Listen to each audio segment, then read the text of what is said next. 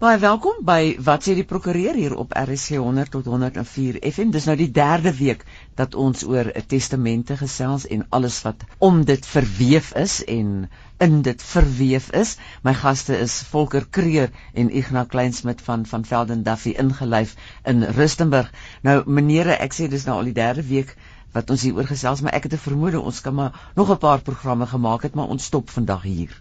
Ja, man, as jy kyk na die geweldige hoeveelheid navrae wat ons by wat sê die prokureur kry oor testamente en boedels, as jy reg, ons kan eintlik maande lank hieroor gesels want daar's geweldig baie mense wat daarmee probleme het. Ons almal moet een of ander tyd 'n testament opstel of dan selfs in testaat moet ons weet wat ons posisie is as ons sterf in testaat of wat ons erfgename se posisie gaan wees en daarom moet ons so 'n voorreg om weer vir Volker Kreer vandag uh, welkom te heet want hy's 'n spesialis op die gebied van boedels en boedelbeplanning en bereddering daarvan en uh, Volker is 'n prokureur daar by Van Vel en Duffy al sedert 1996 spesialiseer op hierdie gebied en uh, het dan ook die laaste 2 weke reeds vir ons baie baie waardevolle inligting gegee vir almal van ons wat geluister het. Volker, baie welkom hier aan jou. Baie dankie Ignas, môre luisteraars. Volker, uh, ons het gesels verlede keer oor wie behoort ek as my trustees aan te stel by my testamentêre trust, interviews trust uh wie behoort ek as eksekuteur aan te stel al die verskillende opsies kom ons uh skop af hierdie week om te vra wie behoort ek as voogde vir my minderjarige kinders te benoem Ja, ek maar dit is dikwels ook 'n moeilike besluit. Uh die meeste erflaters benoem hulle ouers, 'n broer, 'n suster of vriende as voogde. Wat ouers aanbetref, is hulle ouderdom uiteraard normaalweg 'n uh, belangrike oorweging. Nou die voogde is die persone waar die kinders gaan groot word en wie belangrike besluite wat die kinders raak moet neem, soos watter skool die kinders moet bywoon en so meer. Nou die voogte moet onderskei word van die trustees wat via die trustbates moet bestuur en die inkomste en indien nodig die kapitaal daarvan moet aanwend tot voordeel van die kinders en die fondse aan die voogte tot voordeel van die kinders beskikbaar moet stel. So die voogte sal aansoek doen by die trustees van 'n testamentêre trust of individuele trust vir onderhoud vir die kinders dis uh, korrek. So is natuurlik belangrik dat ehm um, daar gedurende skakeling is tussen die voogte en die trustees. Nou die voogte kan natuurlik dieselfde persone wees as die trustees, maar dit hoef nie so uh, bepaal te word nie. Soms sal 'n erflater iemand wat goed met finansiële bestuur is as trustee benoem en 'n ander persoon wat behoorlik na die kinders se daaglikse behoeftes sal omsien as voogte. So uiteindelik is dit 'n persoonlike keuse wat elke erflater self moet uitoefen een van die groot vrese by langslewende gades uh, is dikwels die vrees dat alles word gevries op oomblik van my man of my vrou se afsterwe ek kan nie meer die bankrekening gebruik nie ek kan nie meer ek het nie meer geld om melk te gaan koop nie of my normale behoeftes uh, te bevredig nie uh, hierdie hele kwessie van albei se gades albei gades se boedel word gevries waar een te sterwe kom geld net by huwelike binne gemeenskap van goedere, maar is daar ook oplossings vir hierdie mense om daai kontant uh, vrese te oorkom? Ja, ek nou alhoewel banke inderdaad gewoonlik na datum van afsterwe alle bankrekeninge van die oorledene sal vries totdat daar 'n eksekuteur aangestel word, kan daar in die praktyk altyd 'n plan gemaak word vir dringende gevalle. Die aanstelling van 'n eksekuteur by die meesterskantore vat gewoonlik tussen 3 weke en solank as 6 weke. Waar dit 'n dringende geval is, sal die meester egter na aanleiding van 'n behoorlike vertoë wel bereid wees om 'n eksekuteur dadelik aan te stel. Nou die maklikste sal wees om vir 'n prokureur opdrag te gee om self of deur middel van sy korrespondent opwagtings by die meesterskantore te maak ten einde dit te reël. Uh tweedens kan die probleem ook met 'n gesprek met die bankbestuurder opgelos word indien hy oortuig word dat daar 'n uh, voldoende fondse in die bestowwe boedel sal wees ten einde enige eise van die bank te dek en indien daar voldoende sekuriteit is, sal hulle gewoonlik bereid wees om 'n tydelike fasiliteit beskikbaar te stel. Vir die dis nou vir die oorlewende fasiliteit vir die boedel of vir die oorledene? Vir die langslewende ja. om te sorg dat uh, sy of hy kan aangaan met ja. hulle sake. 'n Ander praktiese oplossing vir die luisteraar sal natuurlik wees as hy eenvoudig nou al 'n bankrekening in sy vrou se naam oopmaak en voldoende fondse oopplaas ten einde 'n uh, voldoende voorsiening vir haar onderhoud te maak vir die eerste paar maande na sy afsterwe. Maar uh hoe sal dit help want daai bankrekening word ook gevries as hulle binne gemeenskap van goed getroud is? Ja, nou ehm um, Dit hang af van die banke se benadering. Deesdae is die banke nie meer so streng nie en uh, normaalweg as daardie bankrekening geopen is in die langslewende se gade, dan uh, vries hulle uh, nie die fondse en stel dit wel dadelik beskikbaar vir die langslewende. Afhangende van die ingewikkeldheid van die boedel, uh, kan dit baie maande duur, uh, Volker. As kyk dan na artikel 26.1a van die boedelwet. Uh en dan moet die boedel ter insaal hê ensovoorts. Wat is die normale situasie wat dit betref? Wat is die hoe werk dit in praktyk? Ja, artikel 26 van die boedelwet magtig die eksekuteur om voordat die boedelrekening in gevolge artikel 35 is op artikel 4 ter insaag gelê het met die toestemming van die meester om eh, bedrag geld en goed uit die boedel beskikbaar te stel wat na die eksekuteur se oordeel voldoende is om te voorsien in die onderhoud van die oorledene se gesin of huishouding. So ons het nou gepraat nou nou van die eerste 3 tot 6 weke tot die eksekuteur aangestel is, ons het draai aangestel is. Dan kan hy eintlik en hy die prentjie al reeds van hoe die boedel lyk kan hy al geld beskikbaar stel. Dis reg, maar as 'n mens die proses in artikel 26 volg, dan moet uh, ongelukkig die meester se toestemming verkry word en sal daar eers 'n behoorlike skriftelike vertoë in die verband opgestel moet word. Jy sê jy klink asof jy sê dat mens soms die proses nie volg nie. Jy sê as mens die proses volg, ek gekiteers baie keer dan uh, bereid om maar uh, oor toe te kyk en dit vir die erfgename te gee. Dis reg, uh, eksekuteur staan onder geen wetlike verpligting om uitbetalings aan bevoordeeldes te doen voordat die rekening deur die meester goedgekeur en vir beswaar ter insaag gelê het nie. Ehm um, die uh, prosedure in artikel 26 is ongelukkig ook moeisaam en tydrowend aangesien die meester se toestemming bekom moet word. So dis belangrik om daarop te let dat die eksekuteur nie verbied word om in die algemeen tussentydse voorskotte aan erfgename en legatarisse te maak nie. Indien die eksekuteur dus daarvan oortuig is dat die boedel solvent is en die likwiditeit van die boedel toelaat, kan hy op eie risiko in enige stadium na die uitreiking van die eksekuteursbrief kontant voorskotte aan bevoordeeldes gee. Dit word seker baie makliker as jy eksekuteur in die en die familie paadjie al geloop het en en hy ken die omstandighede. Dis reg. Die eksekuteur, soos ek gesê het, doen dit op sy risiko. So hy gaan natuurlik 100% wil seker maak dat daar wel voldoende fondse is om alle skuldeisers te betaal voordat hy voorskot aan erfgename gee. So die eksekuteur moet maar sy gesonde uh, oordeel gebruik. In die meeste gevalle kan hy sonder enige risiko's voorskotte gee en dit is dus in sulke gevalle goeie beleid om oorskot kontant so gou moontlik aan die bevoordeeldes te laat toekom.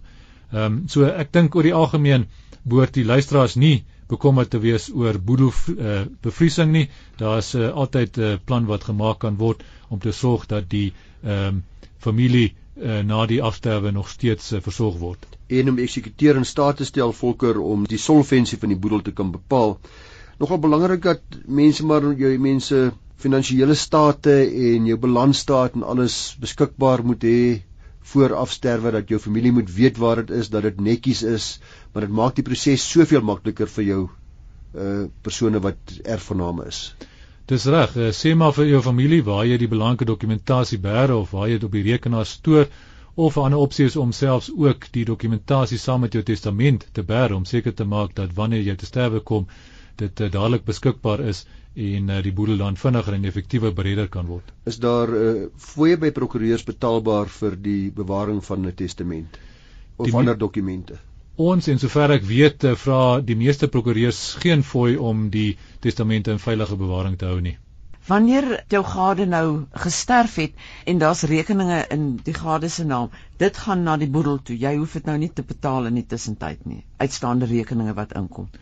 Dis reg ja. Ehm um, soos ek nou genoem het, uh, daar's geen verpligting om eksekuteur om enige eise te betaal voordat die likwidasie en distribusie rekening goedgekeur is. So sodra die eksekuteur 'n sekere eis erken het, dan uh, moet die skuldeiser maar wag totdat die likwidasie en distribusie rekening goedgekeur is en eers dan is daar verpligting om dit uit te betaal. Die idee is natuurlik dat 'n mens eers die hele prentjie kan vorm hoe lyk die boedel en of die boedel inderdaad uh, solvent is of insolvent is want as uh, die boel insolvent is dan moet weer 'n ander proses gevolg word om dit te bereder en kan dit natuurlik beteken dat 'n skuldhuiser nie sy volle bedrag wat hy uh, eis gaan ontvang nie.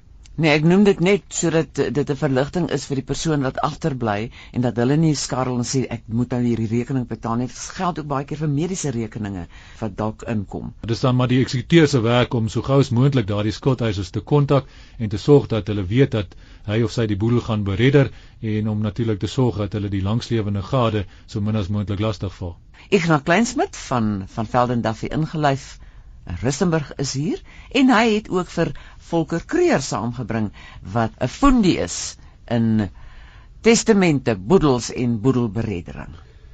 Amanda, ons het in die vorige gedeelte vir Volker gevra wat moet ek oorweeg as ek voogde aanstel vir my kinders? Nou wat baie gereeld gebeur ongelukkig is dat daar's 'n uh, kwade gevoelens tussen 'n uh, ma en 'n pa na 'n egskeiding en nou sal een van die voormalige gades in sy of haar testament bepaal dat my broer gaan nou die voog wees van die kinders as ek afsterf want ek wil nie hê my voormalige eggenoot moet die voog wees nie.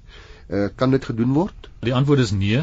Die natuurlike ouer sal totdat hy of sy as voog deur die hof verwyder word of formeel afstand doen van die voogtyskap altyd outomaties die natuurlike voog van die kind bly ongeag wat jy in jou testament bepaal. So daai bepaling beteken niks in jou testament nie.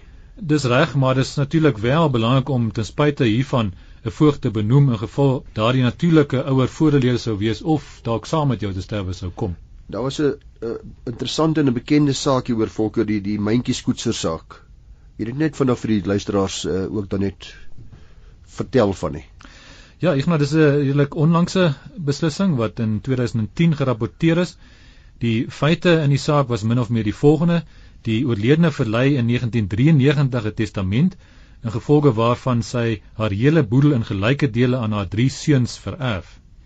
In 1998 verlyf sy 'n verdere testament in gevolge waarvan sy sekere gedeeltes van haar plaasgrond aan elkeen van haar drie seuns bemaak. Nou in 2002 pleeg twee van haar seuns bedrog deur haar handtekening op 'n koopkontrak te vervals vir die vervreemding van 'n sekere gedeelte 2 en 3 van haar plaas. Hulle teken ook later die oordragdokumente deur weer eens haar handtekening te vervals en die oordrag van die twee gedeeltes in hulle naam word by die akteskantoor geregistreer.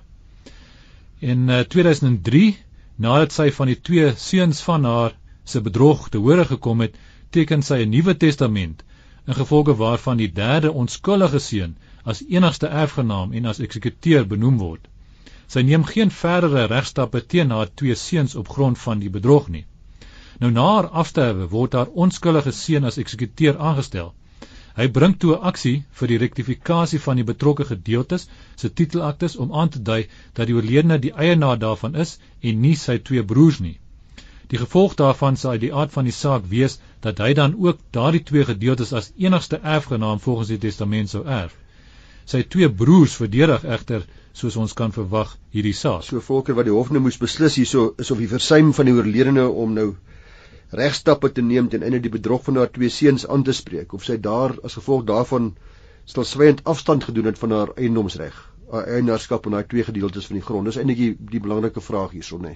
Dis reg en interessant genoeg bevind die provinsiale afdeling van die Hooggeregshof ten gunste van die twee broers met die gevolg dat hulle die grond mag hou Die eksekuteur appeleer egter na die Hoogste Hof van Appel teen hierdie beslissing en hierdie hof beslis toe dat die beginsels ten opsigte van die sogenaamde abstrakte teorie van eiendomsoordrag toegepas moet word. Nou volgens hierdie teorie is daar twee vereistes vir die oordrag van eienaarskap wat die, wat in die geval van roerende sowel as onroerende eiendom geld, naamlik eerstens daar moet lewering van die saak plaasvind.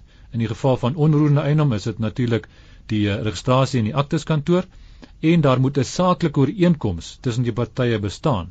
Nou laasvermelde vereiste uh, verwys nie na die ooreenkoms soos byvoorbeeld 'n koopkontrak nie, maar dit verwys uh, na die uh, ooreenkoms tussen die partye waar volgens die oordraggewer die bedoeling het om die eiendom oor te dra en die oordragnemer aan die aan die kant aan die ander kant die bedoeling het om oordrag daarvan te ontvang. En die hof pas dan hierdie beginsel toe op die feite in die saak en kom tot die slotsom dat daar geen sprake was van 'n saaklike ooreenkoms nie, aangesien die oorledene as oordraggewer nie eers van die registrasie geweet het nie. Sy kon dus onmoontlik, dis nou die ma, die bedoeling gehad het om oordrag te gee. Die uh, hof sê ook dat die feite nie die gevolgtrekking steun nie dat sy afstand gedoen het van haar eiendomsreg nie. Dit is dus nie vir die hof nodig om oor die beginselvraag te beslis of dit moontlik sou wees om op hierdie wyse afstand te doen van eiendomsreg nie. So die goeie seun, as ons hom so kan noem, wen dus die saak. Die hof beslis dat die transportaktes reggestel moet word sodat die oorledene as eienaar aangedui word en die gevolg daarvan is natuurlik dat die twee slegte seuns die plaas verloor en die goeie seun as enigste erfgenaam oordrag daarvan kan ontvang. Hulle het seker nooit weer met mekaar gepraat daarna nie. Groot familie ja, twis. Dis so. Volker uh verlore testamente. Reuse probleem. Ons het nou nog gepraat het mense moet asseblief tog maar hulle goedjies op 'n plek hou, by mekaar hou in 'n kluis hou, alles wat op hulle testament van toepassing kan wees op hulle finansiële posisie. En dikwels vind 'n mens dat die erfgename kom by jou kantoor aan en sê julle nie dalk pa ma se testament nie. Pa ma is oorlede. Dan hulle dan sê hulle tiende prokureur wat hulle by soek, hulle was by die bank gewees, hulle weet nie wie se eksekuteur nie, hulle was al oral gewees. Niemand kry die testament nie.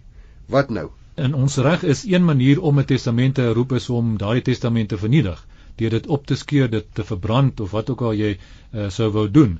Nou daar bestaan 'n vermoede in ons reg dat die oorledene sy testament herroep het deur dit te vernietig waar dit na sy afsterwe nie gevind kan word nie. So met ander woorde die die reg sê testament weg is dan is daar nie meer testament nie. Dan wou die dan wou die oorledene dit nie daai testament eintlik die lig laat sien dit nie. Dis reg, dit is die vermoede, maar die vermoede kan wel weer lê word deur getuienis en kan die hof inderdaad die meeste van die Hooggeregshof gelas om 'n afskrif daarvan selfs 'n elektroniese kopie te aanvaar as die laaste wil en testament. Dan net 'n bietjie oor die formaliteitsvereistes. En miskien 'n maklike manier om daarna te verwys is te kyk na die saak van 'n uh, eh, onlangse saak van Exparte Porter en ander. Ja, dis 'n baie interessante beslissing. Die oorledene het 'n koersul tot sy testament in opsigte waarvan die formaliteitsvereistes en beginsels dieselfde is as vir die testament self in die teenwoordigheid van twee getuies verlei wat ook die testament geteken het. Miskien net eers wat is die formaliteitsvereistes vir 'n testament of dan 'n byvoeging soos 'n kodesil? Ek gaan dit moet geteken word op elke bladsy daarvan deur die erflater asook deur die getuies in mekaar se teenwoordigheid. En die getuies moet 'n ouderdom van ten minste 14 jaar uh, hê. En wat natuurlik ook belangrik is om te onthou dat die is dat die uh, getuies mag nie ook beginsigdes van die uh, testament wees nie. So maak seker dat uh, wie ook al as getuie teken 'n onafhanklike persoon is wat nie in die testament genoem word nie. Loop dit asseblief baie mooi in die oor want dit gebeur so dikwels dat die selfgemaakte testamente op die huis en by die plaas geteken word deur begunstigdes wie ook dan getuies is.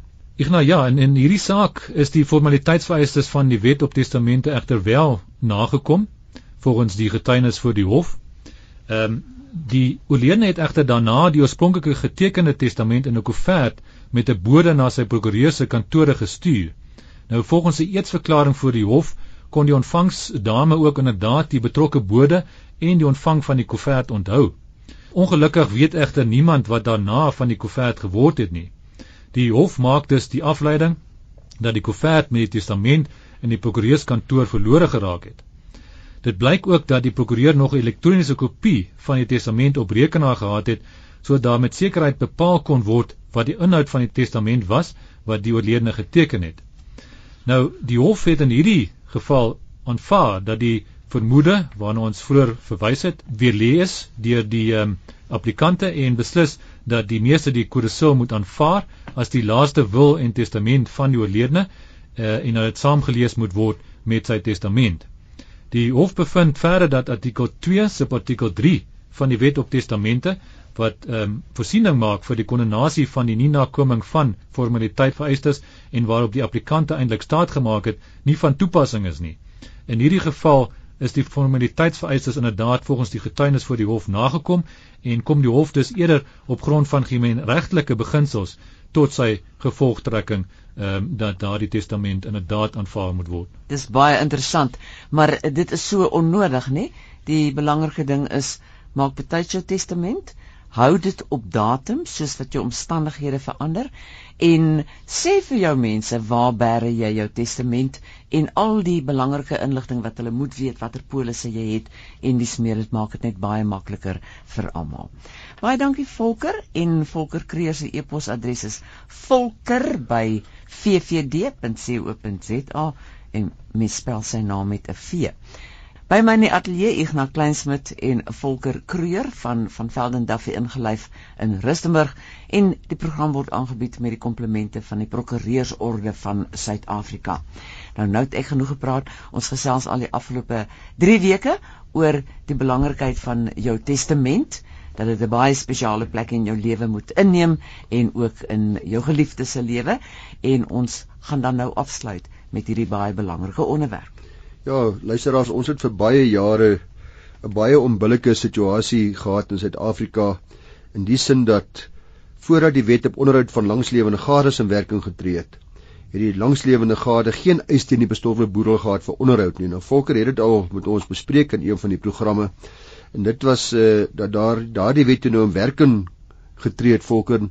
Intussen is daar 'n saak gepubliseer baie onlangs Miskien net weer wat sê hierdie wet tans en wat het hierdie saak vir ons gesê? Dit is die die Oshery saak. Ja, ek nou ehm um, die idee van die wet is om maar hierdie onbillike gevolge aan te spreek waarna jy nou verwys het. Daarvolgens kan die langslewende gade nou wel onderhoud eis en die wet skryf dan ook die faktore voor wat in aanmerking geneem moet word om te bepaal of daar 'n eis is en om dit ook dan te kwantifiseer. So die effek is dat as die uh, langslewende reeds middele tot daar beskikking het om homself te onderhou dan sal sy nie 'n eis kan instel nie.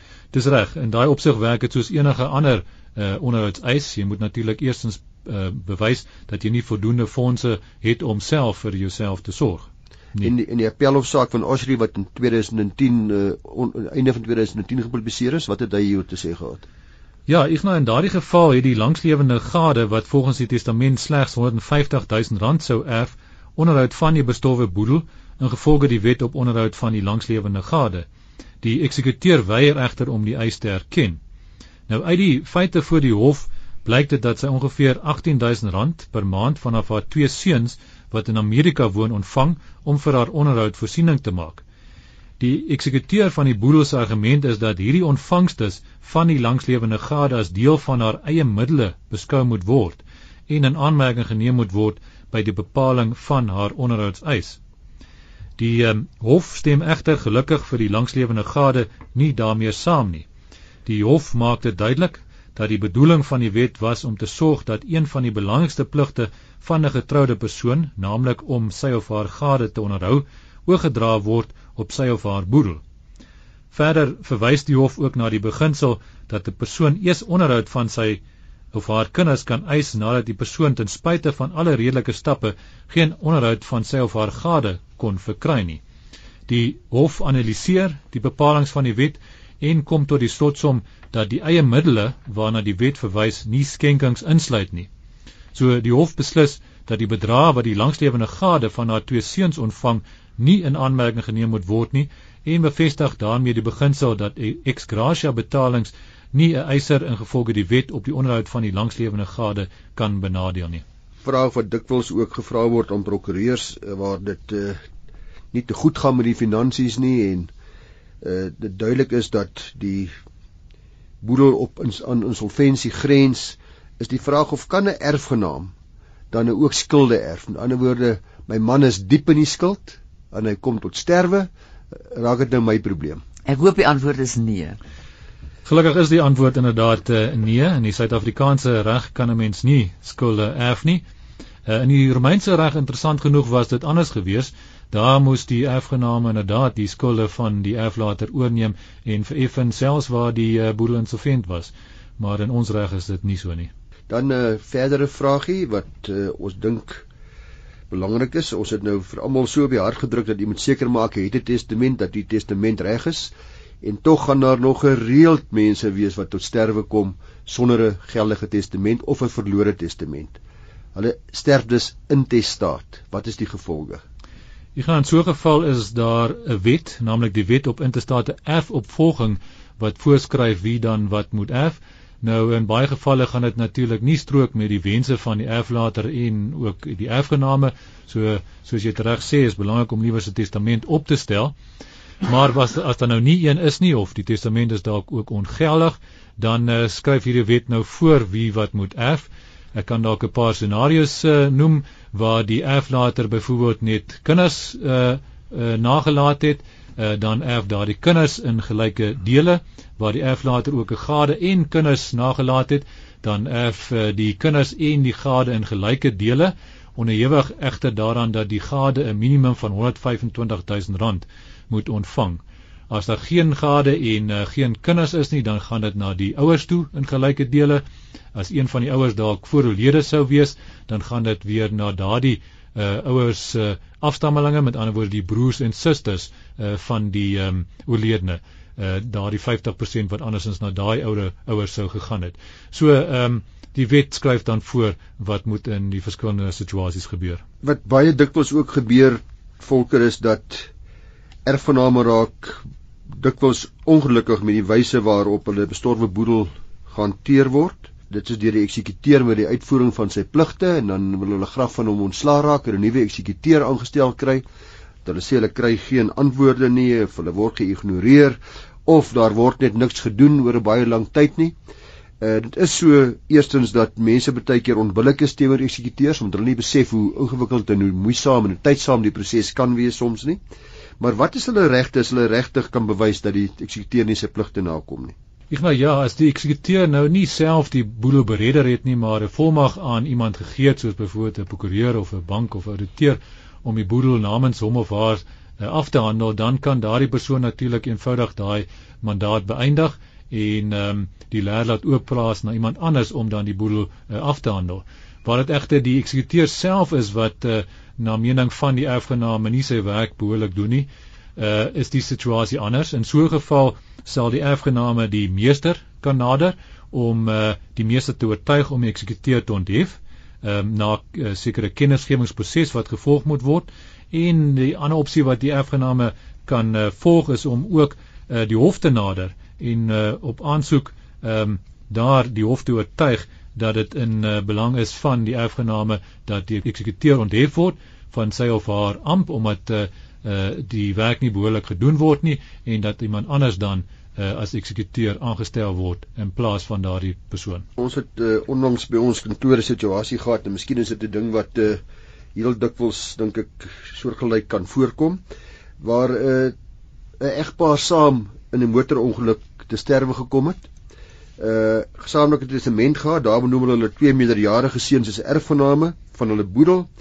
Hulle het onder andere 'n woonhuis besit, hulle het 'n vakansiehuis besit in Hermanus en uh die een seun sit nou in 'n situasie gekry baie by plase ook. Hy hy bly hy bly in Pretoria waar die woonhuis is. En hy wil baie graag daai woonhuis hê.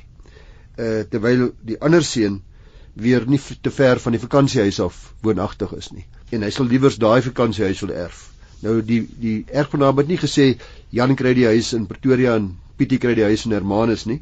Hulle het daaroor geswyg. Nou die vraag is moet die twee eiendomme nou noodwendig albei in gelyke dele aan die seuns oorgedra word of watter ander planne kan mens maak? Ek gaan ongeag wat die testament bepaal, die uh, erfgename kan altyd 'n herverdelingsooreenkoms sluit in gevolge waarvan hulle dan bepaal wie watter bates gaan ontvang.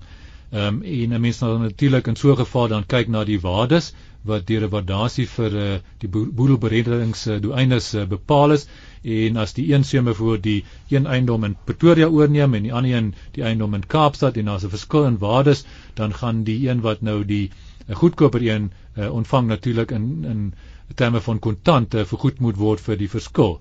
So dis belangrik om te verstaan dat uh, uh die benadering uh, kan altyd soepel wees. Eksekuteur moet die kinders uh, en die erfgename raadpleeg om vas te stel wat is hulle behoeftes en onthou dat 'n mens dan altyd 'n herverdelingsooreenkoms kan sluit om die bates anders te verdeel as wat die testament uh, voorgeskryf het. Volker uh, vir 3 weke lank het jy nou vir ons geweldige interessante en leersame inligting gegee wat ek sekerlik uh, oortuig van is vir die luisteraars ook Amanda van groot waarde was jy het ook aangedui jy's bereid om uh, te help as daar navraag sou wees by wyse van e-pos. Nou ja, my e-posadres is volker@vvd.co.za.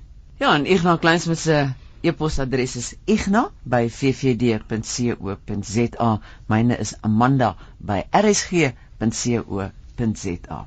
Inderdaad, baie interessant Volker, baie dankie dat jy al hierdie inligting met ons kom deel het en ons aan die dink laat sit het. Ek sou baie bly wees as luisteraars ook uh, vir my laat weet indien dit gehelp het dat jy gegaan het en jou testament hersien het en wat die raad vir jou beteken. Dit behoort interessant te wees. Onthou luister ook weer Vrydagoggend om 1uur na herhaling van wat sê die prokureur of laai dit af via potgooi by www.rsg.co.za. Meneere, goed gaan. Ignas, tot volgende week. Totsiens. Van my kant, mooi gaan. Pas jouself op en groetnis.